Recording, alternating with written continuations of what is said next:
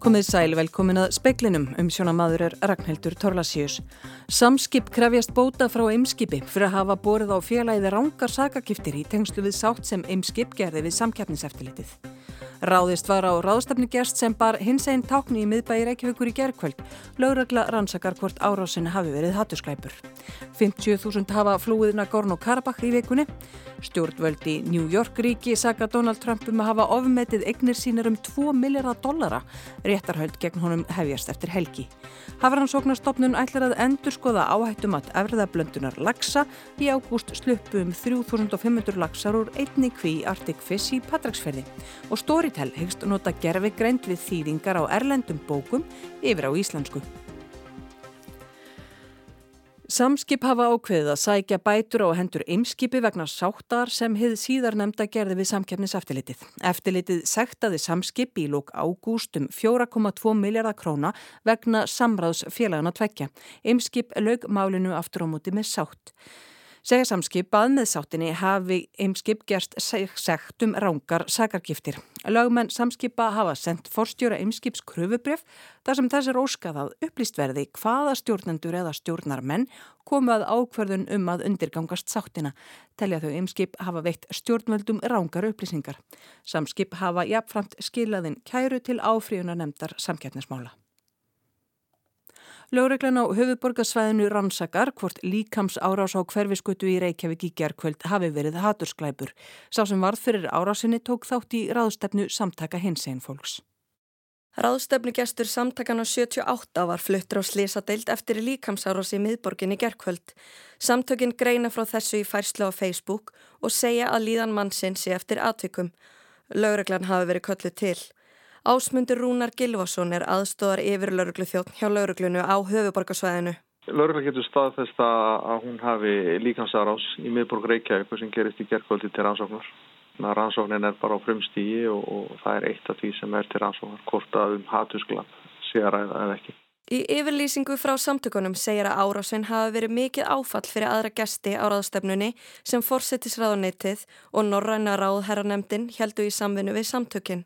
Hátt í hundra fulltrúar frá helstu samtökum hins eginn fólks á Norðurlöndum voru á ráðstefnunni gær.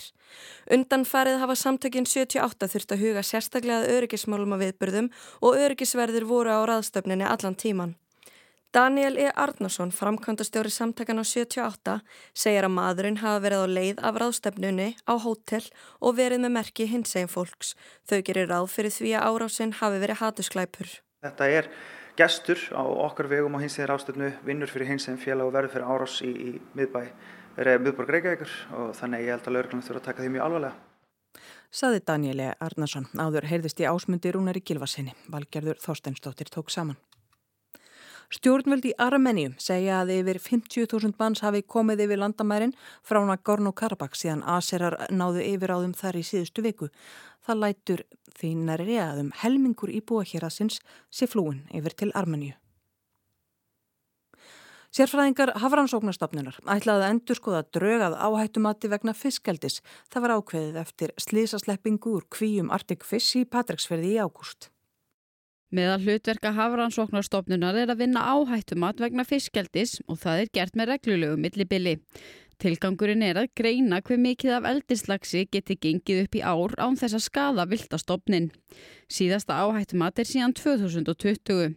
Þar var samþygt að Hámarks landsframleysla eldislagsa í kvíum yrði 106.500 tonn. Það er um tvöfalt meira en þegar er framleitt á landinu.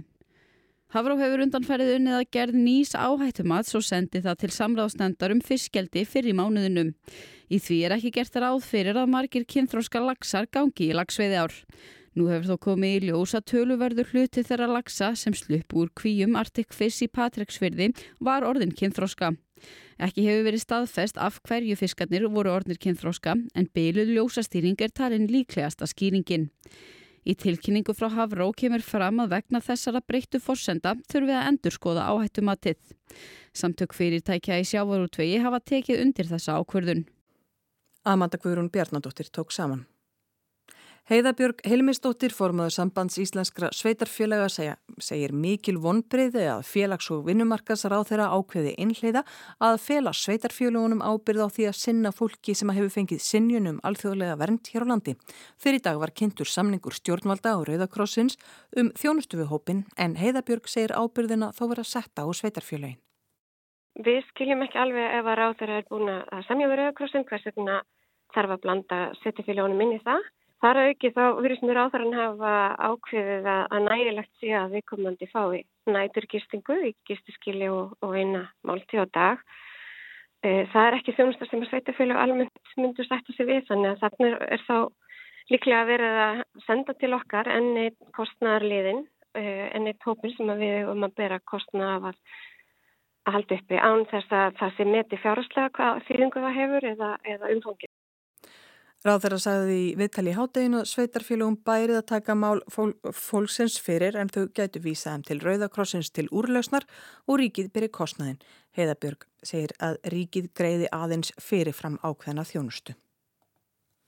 Rannsókn lauruglu á rútuslýsi sem varð skamt frá blöndósi fyrir mánuðinu með langt komin ekki er talin grunur um sagnæmt aðtæfi í aðdraðandarslýsins og gögn úr rannsóknarútunni líta aðlilega út. Rútan vald snemma morguns 8. september ofan við bæin Brekku skamt söður af Blöndósi. Á þriðja tug farþega var í rútunni, allt starfsmenn í búsetukjörnum Akureyrarbæjar. Rútan var frá fyrirtækinu SBA Norðurleið. Sjö voru fluttir af landspítalan í Fossvogi, ímist af vettvangi með þyrlu landhelgiskeslunar eða sjúkraflugi frá Akureyri. Engin slasaðist þó lífs hættulega. Viljálmur Stefánsson hjá rannsóknadeild laureglunar á Norðurlandi Vestra segir að rannsókn á slísinu gangi vel. Laureglan á Norðurlandi Eistra hafi undanfarið haft rútuna sjálfa til rannsóknar á Akureyri og lesið úr gögnum ökurita hennar og ökumannskorti rútubílstjórans. Allt bendi til þess að þau gögn séu eðlileg. Það þýðir í raun og veru að fyrirtækið og ökumadurinn hafa farið eftir settur reglum með kvildatíma og annað þess áttar. Ekki er talin grunur um saknæmt aðtæfi. Gunnhildur Kjærjúlf Byrkisdóttir talaði við Vilhjálm Stefánsson. Þórun Sveinbjarnadóttir, formaður stjórnskipunar og eftirlitsnemdar, segir nefndina ætla að taka ákvarðun eins fljótt og hægt er um skipun rannsóknanemdar vegna snjóflóðsins í Súðavík 1995. Fjórtán létust í flóðinu sem var eitt það mannskæðasta í Íslandsögunni. Aðstandendur þeirra sem létust fólu lögmanni í voru að fara fram á að skipuð yrði rannsóknanemdum viðbröð yfirvalda. En uh, við munum reyna að hraða vinnunni eins og við getum en við þurfum þó að, að kalla til gæsti og það mun alltaf taka einhverjar vikur og svo þarf við þetta nefndin að, að gefa sér tíma til að fara vandlega yfir þetta mál. Það er uh, viðkvæmt og í mörg hortna líta sagði Þórun Sveinbjarnadóttir. Lísa Björk Óskarsdóttir, framkvæmdastjóri Storytel á Íslandi, telur ekki ástæðu til að óttast að gæði þýðinga mingi með notkun gerfigreindar. Hún vonast til að fleiri bækur verði jafnvel aðgengilegar íslenskum lesendum. Lísa segir að gerfigreind komi ekki í stað mannlega þáttarins. Þannig að faglegu þýðandi og faglegu prófarkarleisari koma alltaf að vinnunni og geta það einbyrð sér á fagurfræðinni og framsetningu þess efnis sem verið að þýða í staðan fyrir að vera vera bara í beinþýðingum og orðum og þá fer, þá, þá fer mestu tímin í svona snilli þeirra í, í fagufræðiþýðingarna. Guðrún sé Emilsdóttir, formaður bandalags þýðenda á tólka, sagðist í síðdeis fréttum litlaverðingu félast í þessum vinnubröðum sem eigi eftir að leiða til þess að tungumálið verði einfaldara og insleitara en það búi gerfugreindin ekki yfir mannlegu innsægi og tilfinningum. Lísa segir gerfugreind aldrei koma í stað þýðanda og sænska fyrirtækið telli mannlega þáttinn mikilvegan við að viðhalda gæðum. Stóri telli í nágrannarlöndunum hafi prófað sig áfram með þetta vinnulag en þetta hafi ekki enn verið prófað hér. Dómsmálaráð þeirra New York ríkis krefst þess að Donald Trump, fyrirverandi fórseti bandarækjana, greiði 250 miljónir dollara í skadabætur fyrir að hafa ofmetið egnir sínar umtalsvert. Þetta á hann að hafa gert til að blekki banka og trekkingafélag til að fá lán á hagstaðir í kjörum.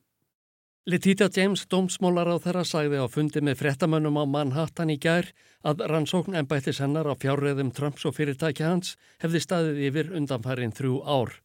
Á sjöundatug vitna hefðu verið yfirherð og farið yfir miljónir skjala sem Trump og fleiri letur áðunettinu í tje. Því var í tími komin til að fara með málið fyrir dóm. I am announcing that today we are filing a lawsuit against Donald Trump for violating the law as part of his efforts to generate profits for himself, his family and his company.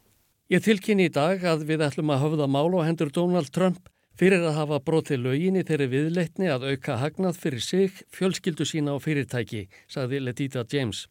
Hún sagði að samkvæmt ákjærunni hefði Trump logið til um verðmæti egna sinna um miljardadollara í auðgunarskinni og svindla þannig á kerfinu og öllum íbúum ríkisins. He did this with the help of the other defendants, his children, Donald Trump Jr., Ivanka Trump and Eric Trump. and former Trump Organization CFO Alan Weisselberg and Trump Organization Controller Jeffrey McConney. Þetta gerðan með aðstóð annara sökunauta, það eru börn hans Donald Trump yngri, Ivanka Trump og Erik Trump á samt Allen Weisselberg fyrverandi fjármálastjóra fyrirtækisins Trump Organization og Jeffrey McConney gjaldkera, sagði dómsmálar á þeirra. Að hennar sögn falsaði hópurinn skjöl sem lögðu voru fram í viðræðum við fjárfesta og fleiri og ársreikninga til að fá lán á lægri vöxtum, greiða lægri yðgjöld af tryggingum og svíkja undan skatti.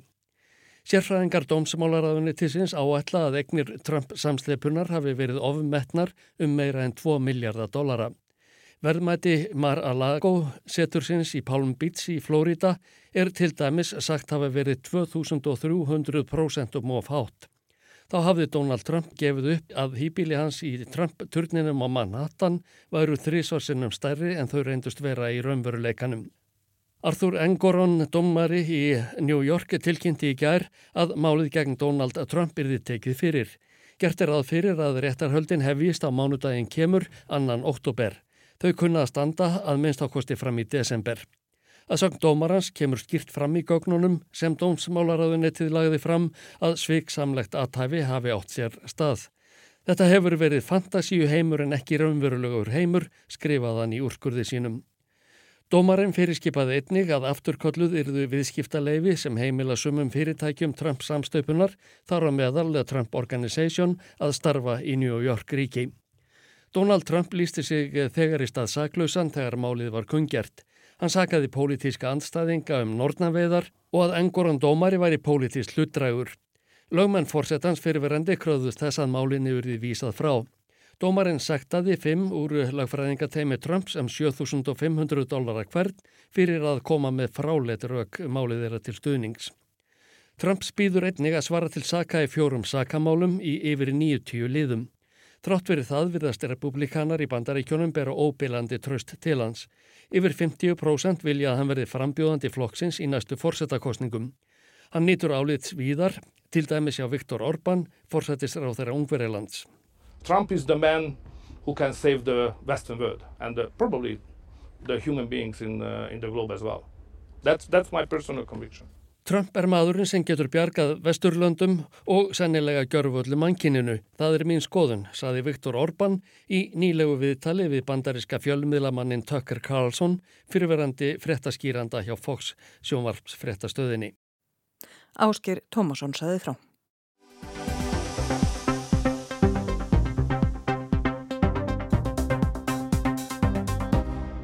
Það er mörgum fullortnum lokuð bók hvað ungmenni aðhafast á samfélagsmiðlum en speilin fann mann sem að hefur fengið að kíkja gegnum skráargat á samfélagsmiðlum unglinga á grunnskólaaldri.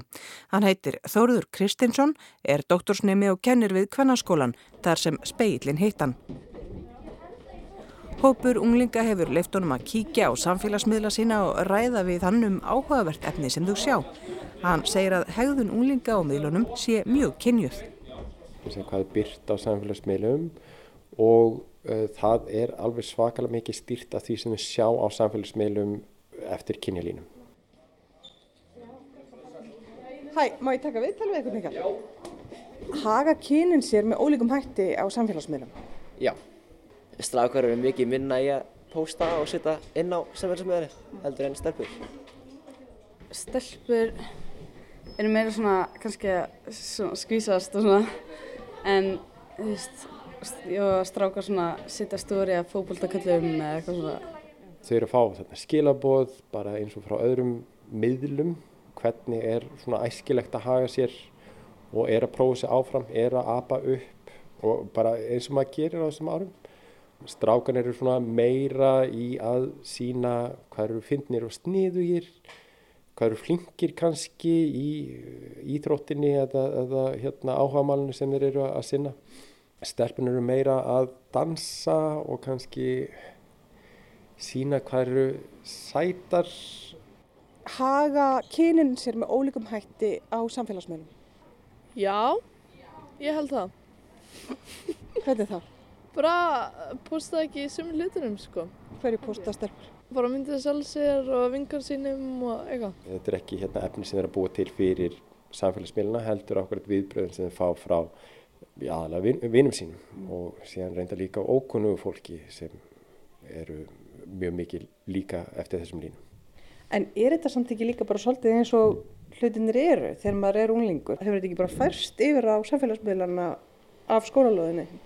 Jú, en ég vil meina að þetta sé tölvert íktara.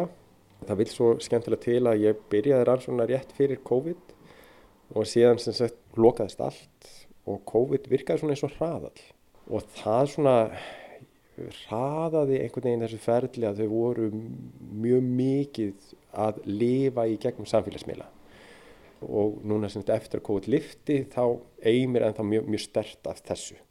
Og samfélagsmiðlin er bara svona framlenging á hennu venjulega lífi í holdheimum og þar leifist er að gera alls konar hluti sem er, þú getur ekki gert fyrir framann einhverja mannesku og það veldur auðvitað ákveðnum svona vandamálum og síðan auðvitað verður þetta svo íkt allt saman og það er ekki sami fíltir eins og þú hefur í svona hinnu almenna samfélagi. Ertu eitthvað á samfélagsmiðlum? Já. Já. Á, á hvaða? Bara öllu eða sko. Já. Og þú veist, postar eftir með einhverju? Með ekki mikið sko. Hvað ert þá að gera? Bara þú veist, skoða sko. Bara svona drepa tíman sko. Sumir eru mjög mikið á samfélagsmiðlum að þeir er fylgjast bara alltaf með, er munur á kynjónum? Lang flest eru ekki að posta. Þar sé að þau eru að byrta efni í lokuðum hópum, eru kannski að senda sína milli en eru ekki að búa til svona almenningsneislu, það er ekki hver sem er sem getur séð það. Stelpun að taka miklu meira þátt í að koma aðtúasendir, skrifa sæta sæta og setja hérna hjörtu og allt það. Drákan eru meira bara svona passivir. Stundum sér maður fólk gráta á samfélagsmiðlum. Hvað er í gangi þar?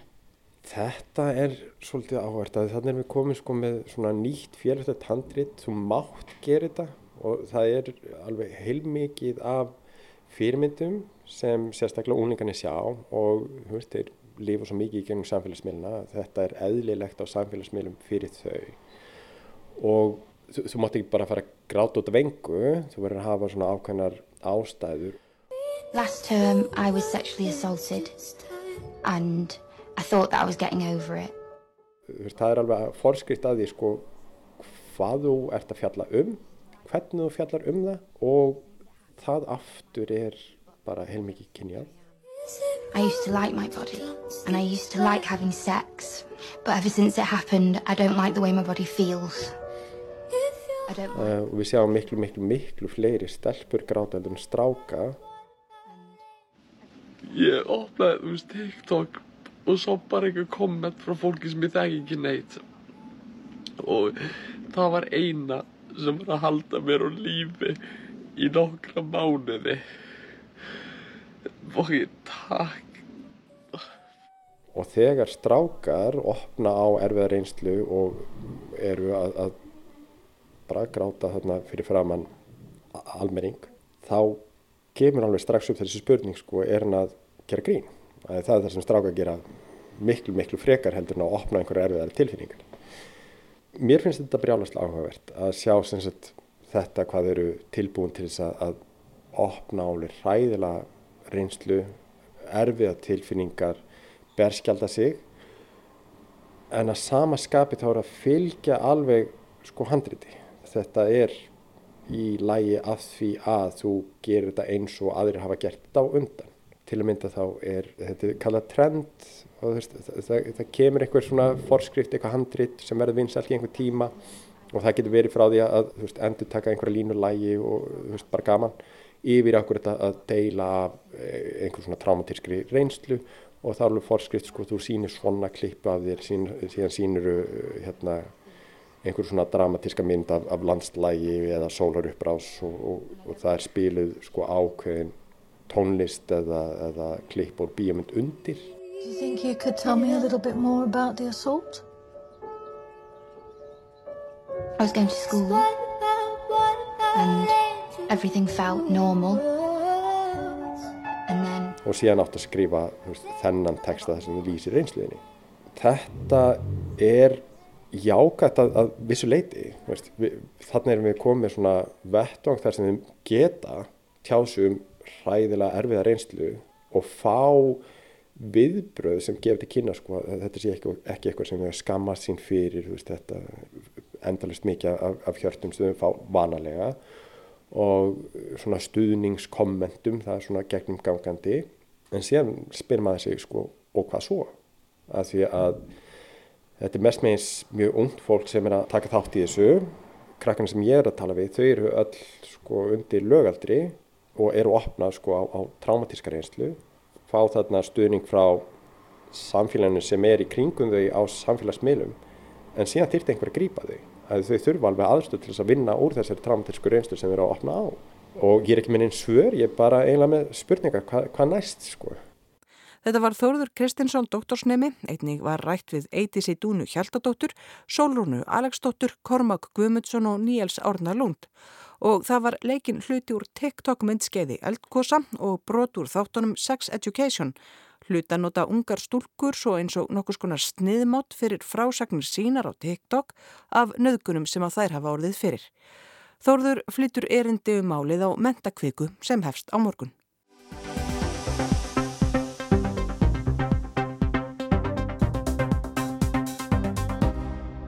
Skíslan Lofslagsþólið Ísland sem byrt var í gær inniheldur tillögur stýrihóps á vegum umhverfis, orku og lofslagsraðunetisins fyrir gerð lands áallunar um aðlöguna lofslagsbreytingum.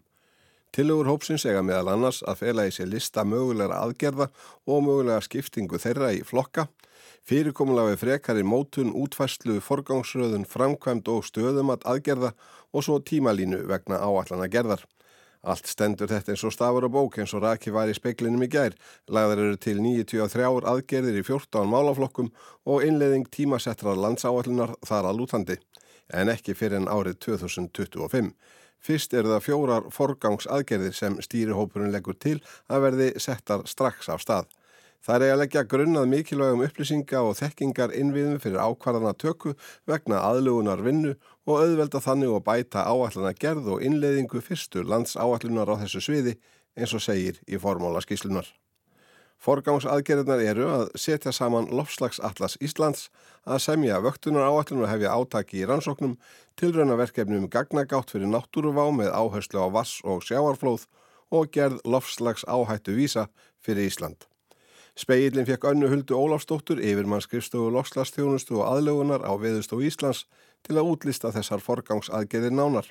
Lofslags Atlas Íslands er verkanvi sem að myndi vera unnið hjá Veðustofunni en einnig í samstarfi við fjölda annara stofnuna eins og við lögum þetta upp eh, sérst, í tilögunni til ráð þeirra þá er það þessi fyrsta útgáfa af slíkum atlas sem við getum nokkurn veginn sé fyrir okkur að sé svona vefsjá sem geimi upplýsingar um framtíðarsviðsmyndir fyrir þær hitatölur og aðra grunnur upplýsingar sem við höfum um mælanett okkar hérna á Íslandi.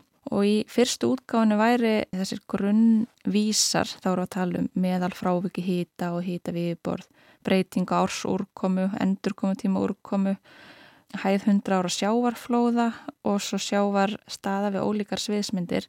Og þetta myndum við þá alltaf horfa á til mismunandi framtíðasviðsmynda sem er þá byggt á þeirri, þeirri losun sem við erum að eigum við hverju sinni og horfa þá mismunandi langt fram í tíman hugmyndin er í rauninni svo að öll gögnin sem væri þarna væri hægt að nýta sér og, og ná í fyrir aðila sem vildu kannski vinna eitthvað áfram. Og kannski sér í lægi fyrir sveitafélagin sem að þyrta að fara að vinna og huga að e, sínum áallanum að aðgengi gagna sé auðvelt og þetta séu svona sviðsmyndir sem að, að hérna, séu viðukendar og þetta séu svona formlegur farvegur og já, við fáum þessar vísbendingar um hvernig framtíðin getur letið út. Næsta forgangsaðgerð fell svo í gerð vöktunar áallunar og eblingu rannsókna en það vanti enn mikið að gögnum til að komast að því hvað þarf að skoða og vakta betur.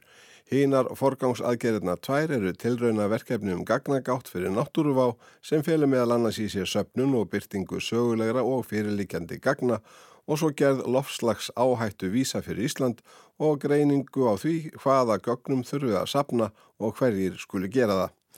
Allt ber þetta sama brunni, þrátt fyrir að búið sér að tala um lofslagsbreytingar, afleðingar þeirra og brína nöðsin þess að breyðast við þeim skjótt um ára og áratuga skeið vantar enn mikið af upplýsingum áður en hætti er að hefja beinar aðgerðir.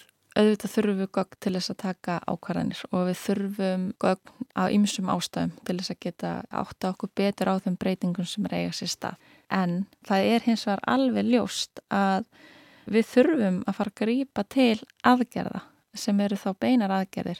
Við sjáum það allum hamfrönur sem hafa átt sér stað út í heimi þar sem að þau lönd sem eru kannski fyrr að finna svona harðar fyrir þessum beinu afleggingu loftlagsbreytinga en við getum alveg fara að stíga starri skref og þurfum nöðsilega að fara að gera það. Af því að við getum endalust verið að sapna gögnum. Ég get alveg fallist á það með að hérna, það er komið tími til þess að grýpa til aðgerða. Það var ekki á verksviði þessa stýri hóps að lista upp stakar og sértækar aðlögunar aðgerði til að byrja á strax.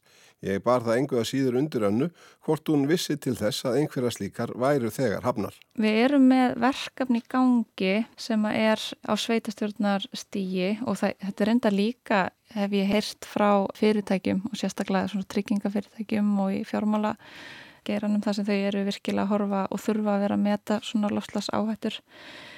En við erum með verkefni í gangi á sveitastörsnastígi þar sem að e, þetta er samstarfsverkefni hjá skiplastofnun, byggðastofnun, viðstofunni og, og, og ráðanættinu. Þetta er svona aðlugunar aðgerð sem er ákveð tilruna verkefni sem er í rauninni, getur sagt að ætti heimilisfesti undir landsáallinu og við í rauninni leggjum til að það sem kemur út úr þessu verkefni verði fundið samastæður undir landsáallinu. En þetta er verkefni sem er farið að stað og ég er, nú, er að fara í fimm sveitafjölu núna í, í nógumber eh, að, mitt vinna í þessu verkefni. Útkoman úr því er svona leiðavísir sem á að vera í rauninni að öll sveitafjölu að geta notfart sér til þess að gera sína sértöku áallanir. Þannig að já, það, það er eitthvað farið af stað, klárlega. Með byrtingu skíslusinnar hefur þessi stýrihópur lokið störfum, en hvað tekur við? Við lögðum til að það væri í rauninni sami stýrihópur sem væri í rauninni stýri nefnd lofslags aðgerða þannig að væri sami stýrihópur sem væri falin ábyrð og umbúð til að gera bæði þær áallanir fyrir lofslags aðgerðir innan ráðanættisins bæði fyrir það sem við erum að horfa samdrátt í losun og gróðrásuloftuhundum og kólefninsbindingu sem hefur miklu meira verið í umræðinu heldur en aðlugunar aðgerðir og svo líka landsáallunum aðlugun. Þannig að við leggjum til að það sé sama fólki sem sé að gera þetta til þess að ná fram þeim samlegar áhrifum sem við þurfum. Það er ofbáslega mikilvægt að til dæmis aðlugunar aðgerðir sé ekki að, að losa meira. Við viljum passa að það sé að hjálpa hvort öðru. Sagði Anna Hulda Ólafsdóttir. Ævar Jósefsson talaði við hana. Og í spekli kvöldsinn sögðu við meðal annars frá því að samskip krefast bóta frá ymskipi fyrir að hafa borið á félagið borið á félagið rángar sakargiftir í tengslu við sátt sem ymskip gerði við samkeppniseftileitið. Ráðist var á ráðstafningjast sem bar hins einn tákni miðbæri ekki haugur í gerkvöld lögreglar ansakar hvort árásinn hafi verið hattursklæpur. Veður horfur á landinu til miðnættis annað kvöld, austlæg átt sumstaðar strekkingur og allvíða regningu það skúrir, norðaustan kaldi á morgun og róvar til á söður og vesturlandi, fremur myllt veður að deginum. Fleira var ekki í speiklinum í kvöld, Tæknumæður var Magnús Þorstein Magnússon. Margret Júlia Ingimarsdóttir stjórnaði frétt átsendingu og hægt er að hlusta á speilin í spilara Rúf, Rúf appinu og allum helstu hlaðvarp sveitum verðið sæl.